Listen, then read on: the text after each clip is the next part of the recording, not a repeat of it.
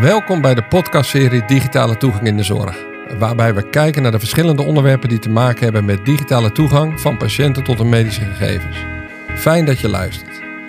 Mijn naam is Bob van Os, werkzaam bij Nictus en al vele jaren betrokken bij dit onderwerp. Nictus is de kennisorganisatie voor digitale informatieuitwisseling in de zorg.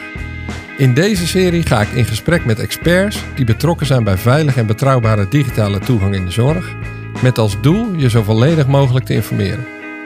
Het thema vandaag is hulp van de slotenmaker. Met andere woorden, hoe wordt het zorgveld ondersteund bij het implementeren van veilige toegang? Vandaag zijn te gast Mark Arts en Manon van Kesten van het ministerie van VWS. Erg leuk, want ik werk vanuit Nictus intensief samen met Manon en Mark. Als Nictus bekleden wij de brugfunctie tussen het zorgveld en beleid en proberen hierin het zorgveld zo goed mogelijk te informeren over diverse onderwerpen zoals digitale toegang. Wanneer organisaties en leveranciers dan daadwerkelijk tot actie willen overgaan, dan vragen wij Mark en Manon om ze daarbij te helpen. Uh, welkom beiden en wat leuk dat jullie er zijn. Uh, voordat we de inhoud ingaan, wil ik jullie graag voorstellen aan de luisteraar. Mark, kan jij vertellen wie je bent en wat je doet? Ja, leuk om hier te zijn. Dankjewel. Uh, Mark Arts. Ehm, ik denk al een jaar of 15 werkzaam in digitalisering van de zorg. Heb dat vooral gedaan bij zorginstellingen. Um, en de afgelopen twee jaar namens het VWS. werkzaam binnen het programma Digitale Toegang. specifiek de rol van leveranciersmanager. En eigenlijk de eerste contact voor zorgaanbieders en leveranciers als het gaat om uh, dit vraagstuk. Mooi, nou dan kan jij heel veel over het thema vertellen. Manon, welkom. Uh, Kan jij je voorstellen? Zeker. Ik uh, ben Manon van Kester. Werk met veel plezier als communicatieadviseur bij het ministerie van Volksgezondheid, Welzijn en Sport. Um, ja, ik ben als adviseur graag betrokken bij onderwerpen met een maatschappelijk belang. En veilige digitale toegang tot medische gegevens is daar een heel mooi voorbeeld van, denk ik. Dus ik vind het heel leuk om daar een steentje aan bij te dragen en om hier te zijn vandaag. Ja, hartstikke leuk. Um, de vorige podcast hebben we veel gehoord over de noodzaken van uh, veilig inloggen. We hebben gehoord over de verschillende wetten, over betrouwbaarheidsniveaus. Uh, Mark, stel je voor je werkt bij een ziekenhuis of je bent een huisarts. Uh, welke uitdaging heb je dan eigenlijk?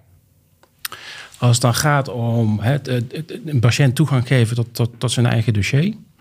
Um, ja, dan moet je het zo regelen dat het op een betrouwbare en veilige manier toegang gegeven wordt. Um, en met de huidige spelregels is daar eigenlijk op dit moment één oplossing voor. En dat is het gebruik van DigiD op het niveau substantieel. Als je als zorgaanbieder of zorgorganisatie dat nog niet geregeld hebt, stel je voor voor je portaal of voor je, voor je PGO of, of voor apps, dan is dat de eerste uitdaging die je hebt.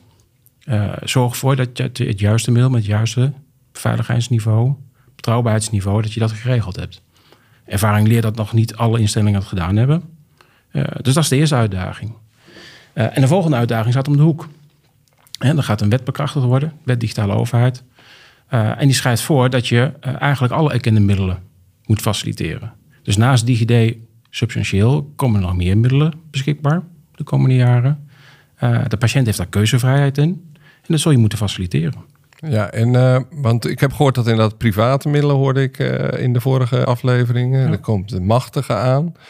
Um, betekent dat dan dat die leveranciers, want je zegt nu ze moeten naar dat hogere uh, niveau toe. Dus één middel, maar er komen dadelijk meerdere middelen, komen dadelijk machtige. Wordt dat telkens een losse aansluiting?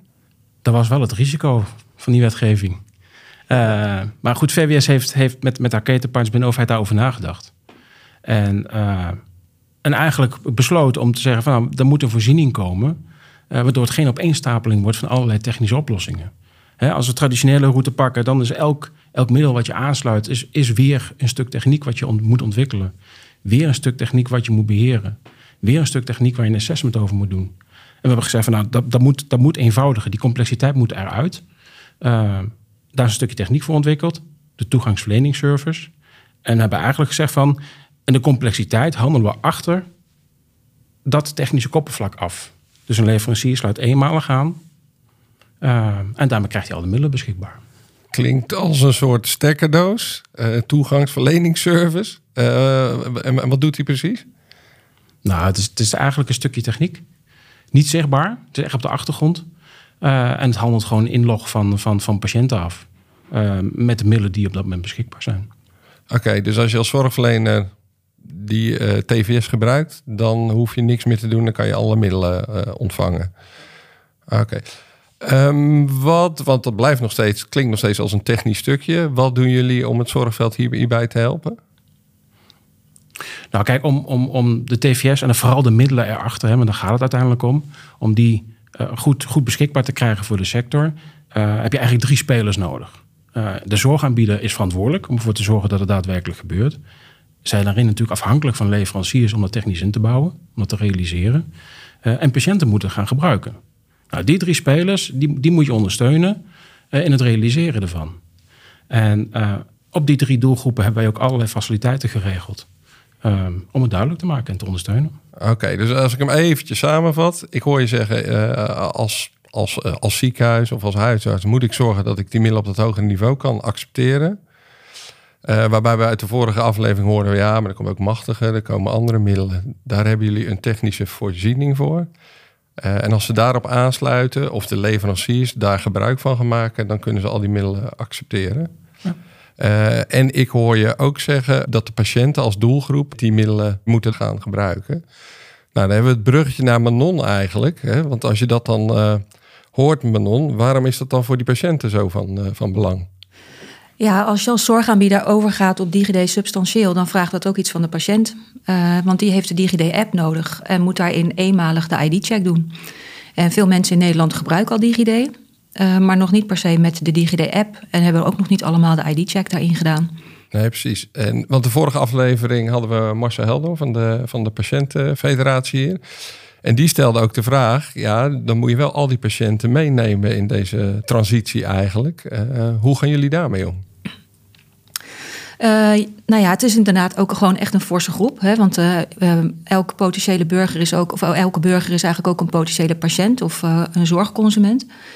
Um, en die gaan de verandering ook niet allemaal tegelijk merken. Um, en dat betekent dat wij een, een aanpak hebben gemaakt die rust op drie belangrijke pijlers. En de eerste die gaat eigenlijk over de boodschap. Wat, wat willen we eigenlijk uitstralen naar, naar de patiënt? En dat doen wij aan de hand van het centrale thema veiligheid. Veilig on online zorgzaken regelen. Een fijn idee. ja, en als ik mezelf even als uitgangspunt neem, ik ben daar echt wel aan gewend geraakt om veel online te doen. Ook bij de overheid. En dat vind ik ook echt heel handig, want dat kan allemaal vanuit huis. En dat scheelt veel tijd.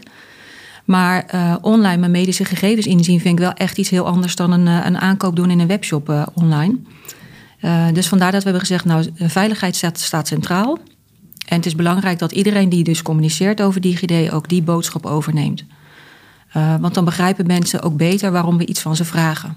Omdat we daar veiligheid voor terugbieden. Ja, ja dat snap ik. Uh, je hebt het over drie thema's. Je hebt het over een, over een grote groep. Je hebt het over um, online inloggen. het moet veilig zijn, want dat is een fijn, fijn idee. Um, de zorgaanbieders, die gaan zelf hun patiënten informeren? Ja, dat klopt. Dat is de tweede pijler eigenlijk. het uitgangspunt is dat de zorgaanbieder zelf zijn patiënten informeert. En dat heeft er natuurlijk alles mee te maken dat het aanpassen van de manier waarop patiënten kunnen inloggen eigenlijk een verandering is van de dienstverlening die een zorgaanbieder aan hun patiënten aanbiedt. Um, dus het ligt ook voor de hand dat zij zelf hun patiënten daarover informeren. Want zij weten immers wanneer het voor een patiënt relevant wordt. Hè? Dus uh, als een zorgaanbieder in uh, september overstapt, kunnen zij zelf daar een mooi plan op loslaten. Wanneer zij hun patiënten kunnen informeren. Um, en dat heeft er ook alles mee te maken natuurlijk dat een regioziekenhuis bijvoorbeeld eerder overstapt op DigiD en een huisarts part later. Maar die patiënt kan wel bij allebei de zorgaanbieders natuurlijk klant zijn. Dus daar zitten verschillende uh, timingsvraagstukken tussen. Ja, en dat kan ik me heel goed, uh, heel, heel goed voorstellen. Dus ze hebben zelf eigenlijk regie wanneer ze met hun, uh, hun patiënten gaan communiceren. Ja, zeker. Maar daarmee leg je ook weer wat bij die zorgaanbieders neer. ondersteunen jullie ze? Ja, zeker. Ehm, wij laten de zorgaanbieders inderdaad vrij in, in de manier waarop zij hun patiënten informeren. Ehm, maar we denken daar wel graag over mee. Ehm, en dat hebben we eigenlijk ook gedaan in de, in de vorm van een communicatietoolkit. Uh, die bevat verschillende communicatiemiddelen, uh, waarin heel helder is uitgelegd over uh, wat er gaat veranderen in de zorg qua inloggen. wat patiënten dan daar ook voor kunnen doen. Um, en daar kunnen de zorgaanbieders kosteloos gebruik van maken. Dus die worden aangeboden in een online webshop. en daar kunnen ze de middelen of downloaden of daar een bestelling plaatsen van bijvoorbeeld flyers of, of posters. Oké, dat klinkt heel goed. Hey, je zei dat er drie pijlers waren. Volgens mij hebben we er nu twee gehad. Ja. Ehm, wat is de derde pijler? Ja, de derde pijler gaat eigenlijk over uh, um, wanneer gaan we hiermee beginnen. Uh, en uh, ons uitgangspunt is laten we daar gewoon nu meteen mee beginnen. mijn vader zei vroeger altijd van nou, je kunt beter een dag te vroeg beginnen dan een uur te laat. en als ik dat in mijn achterhoofd hou, als je als zorgaanbieder veilig inloggen wil aanbieden, dan moet de patiënt daar ook klaar voor zijn. Um, en van hem vragen we dus om de DigiD-app te downloaden en de ID-check te doen. Nou, dus het is belangrijk dat ze zich daar alvast op gaan voorbereiden. En dat kan ook. En hoe meer mensen dat nu al doen, hoe minder mensen er overblijven die straks een extra zetje nodig hebben. Als je als zorgaanbieder echt uh, met DigiD wilt gaan werken op dat niveau. Ja, dus eigenlijk zeg je, uh, uh, wij, wij ondersteunen ze door middel van een communicatietoolbox. We hebben een helpdesk, we hebben een website. Ja. Maar je doet nadrukkelijk een oproep van start, start nu. Ja, ga er alvast mee, mee aan de slag. Ja. Helpt VWS de zorgaanbieders ook nog bij het starten van hun communicatie? Ja, zeker. We laten de zorgsector daarin uh, zeker niet alleen. Uh, om uh, het publiek al vast bewust te maken van de veranderingen, gaan wij samen met BZK een aantal campagneachtige activiteiten uitvoeren. Zo is de boodschap over, DigiD, over de DigiD-app en, en de ID-check de komende maanden op, op ruim 3000 digitale schermen zichtbaar in de wachtruimte van, van zorgaanbieders. En gaan we die boodschap ook online uitdragen.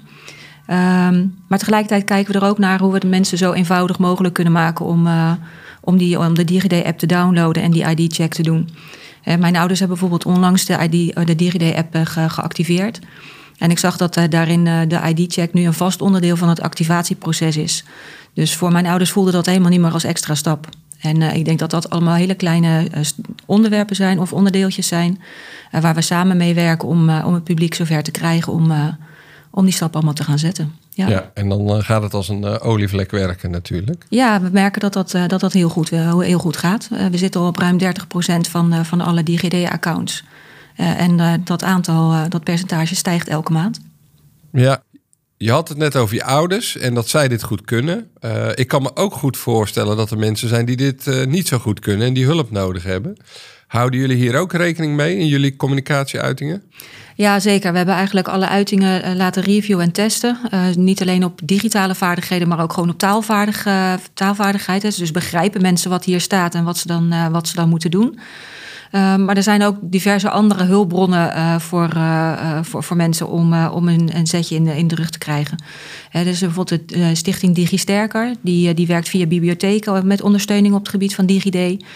Um, voor mensen die dus niet over de juiste telefoon beschikken om dezelfde ID-check te doen, is er een speciale app ontwikkeld zodat iemand anders daarbij kan helpen. Um, dus nee, er, zijn, er wordt op verschillende punten echt wel uh, aandacht besteed om, om zoveel mogelijk mensen dat zelfstandig te kunnen laten doen of met een klein, klein beetje hulp uit hun om, omgeving. Oh ja, goed om te horen dat hier ook aandacht aan wordt besteed. Uh, Mark, even terug naar jou. Uh, waar Manon het net over de patiënt had, want een hele, hele grote groep is, hebben we natuurlijk ook de zorgdienstverleners. En in de vorige aflevering stelde Hielke van Rijn de, de vraag: eh, Mark, hoe ga je dit aanpakken? Hoe ga je al die zorgdienstverleners omkrijgen om dat slot in te bouwen? Dat doen we in eerste instantie door breed te informeren. Breed duidelijk te maken wat de urgentie is, breed duidelijk te maken wat, wat de uitdaging daarin is. Maar ook duidelijk te maken hoe dat dan op te lossen. Uh, dat vooral met, ook met de leveranciers aan tafel. Om te kijken wat voor route gaan we dan lopen. Om invulling te geven aan die, aan die verantwoordelijkheid. Um, dus in eerste instantie is het informeren en de urgentie duidelijk maken. Breed, dat doen we in samenwerking bijvoorbeeld met NICTUS. Hè? Maar dat doen we ook in samenwerking met alle VIP-programma's. Uh, en als een zorgorganisatie dan wel een leverancier zegt van... oké, hier wil ik mee verdiepen, ik wil hiermee aan de slag... maar ik heb nog vragen, uh, dan kunnen we ook heel specifiek ondersteunen. En dan wordt gewoon contact, contact leggen via NICTUS met het implementatieteam... Uh, en dan gaan we met de specifieke organisatie in gesprek. Van wat moet er dan gebeuren in die specifieke situatie? Ja, en ik kan me voorstellen dat leveranciers hier een sleutelrol in hebben. Uh, hoe gaan jullie daarmee om? Die hebben absoluut een sleutelrol. Als de leveranciers de techniek niet faciliteren, uh, dan kan de zorgaanbieder kan niks en dan kan, dan kan de patiënt niks. We hebben uh, een aantal faciliteiten voor de leveranciers georganiseerd. We faciliteren in, in, het, in het begrijpen van de techniek die nodig is. we ondersteunen in, in, in, in het proces wat er lopen moet worden. en de leverancier kan er ook voor kiezen om ook het assessment uh, verantwoordelijkheid over te nemen van, van de zorgaanbieders. Het assessment wat bij een DigiD komt kijken. Ja. en daar ondersteunen we ook in. Heb je ook al praktijkvoorbeelden? Ja, we hebben de laatste tijd hebben we ziekenhuis aangesloten. We hebben huisarts aangesloten. Apotheken zijn aangesloten. Ook laboratoria hebben we intussen aangesloten. Laboratorium die de uitslagen van bloedonderzoeken bijvoorbeeld beschikbaar wilde stellen aan patiënten. Doen het ook op, de, op het niveau DigiD substantieel. Dus ook gelijk op het, op het juiste niveau. er zijn eigenlijk allemaal voorbeelden van, van aansluitprocessen die voortvarend verlopen zijn. ja, en nogmaals, een leveranciers waren goed voorbereid en, en goed in overleg met, met de zorgaanbieders. Oké, ik hoor je zeggen een goed voor, voorbereide leverancier, maar wat houdt dat dan in? Leverancier is dan, uh, voordat hij daadwerkelijk begint met de uitvoering, uh, weet hij gewoon precies welk proces moet ik er lopen, wat is de techniek die ik moet aansluiten, uh, wat zijn de assessmentvraagstukken die, die, die afgehandeld moeten worden. daar hebben we allerlei informatie voor beschikbaar. Ehm, dat kunnen we ook heel specifiek toelichten, hè, wat, wat ik eerder al verteld heb. Ehm, maar daar kunnen ze beroep op doen. En verdiep je daarin en dan ben je goed voorbereid. Nou, dat is, dat is wel erg leuk, want die assessments die komen terug in onze podcastaflevering met de praktijkvoorbeelden. Uh, Manon, en waar kunnen partijen deze iets vinden? Ja, ik, uh, samen met, met, met Mark en veel andere collega's en ook jullie natuurlijk van, van Nictus hebben wij een uitgebreid dossier eigenlijk inmiddels ingericht over dit onderwerp. die is te vinden op gegevensuitwisseling in de zorg.nl. Uh, onder het kopje digitale toegang vinden ze eigenlijk, uh, kan uh, de zorgaanbieders en leveranciers veel achtergrondinformatie vinden. we hebben factsheets opgesteld over een aantal onderwerpen die echt wel wat verdieping vroegen. Waaronder de stappenplannen voor het aansluiten. en ook over assessments. We hebben een aantal animaties ook ontwikkeld, waaronder ook bijvoorbeeld over de machtigingsvoorziening. Ehm, we organiseren maandelijks samen met jullie natuurlijk een aantal presentaties of bijeenkomsten waar iedereen zich gewoon vrij voor, voor kan aanmelden. Um, ja, en alle vragen die wij krijgen, proberen we toch zoveel mogelijk ook weer in een vorm van een frequently asked questions uh, te vatten. En op die manier ook voor een brede publiek beschikbaar te stellen. En daarin werken we ook heel veel samen met, met, met ketenpartners, uiteraard. En met VIP-programma's en, en koepels in, in, in de zorgsector. Om te zorgen dat de boodschap op de juiste plek terechtkomt. Ja. ja. Klinkt goed. waar kunnen zorgaanbieders terecht voor de vragen? Uh, dat kan bij, uh, bij, bij Nictus. hebben wij een e-mailadres inderdaad, e-id.nictus.nl. En daar kunnen ze in principe alle vragen stellen. En afhankelijk van uh, waar het over gaat, wordt die vraag doorgezet naar de betreffende collega die daar het beste antwoord op kan geven. Nou, dat, maar wat ik nu allemaal hoor, worden die vragen steeds minder. Dus gelukkig, anders krijg je heel veel werk. wat Mark al zegt, de technische voorziening, daar is informatie. ja, de patiënten en de, en de zorgaanbieders. Komt over als een, als een heel compleet pakket. Um, nou, we hebben het vandaag over de communicatie gehad. De volgende aflevering gaan we het hebben over inloggen bij de persoonlijke gezondheidsomgevingen. Um, en wat, hoe je dat toepast. Mark en Manon, ik kan me voorstellen, hè, dit, is jullie uh, veld waar jullie werken. Wat voor vragen uh, zouden jullie willen stellen? Uh, en dan begin ik bij Mark. Wat zou jij willen weten over het inloggen bij PGO's? Ik denk dat het interessant is om, om duidelijk te krijgen wat het verschil is tussen een portaal en de PGO. En hoe veilige toegang daarin wel of niet verschilt? Ja, nou die gaan we meenemen. Manon, uh, wat zou jij willen, willen weten? Nou, ik ben uh, eigenlijk wel benieuwd hoe het veilige inloggen werkt in een PGO. He, want het is toch anders dan, uh, dan in een portaal.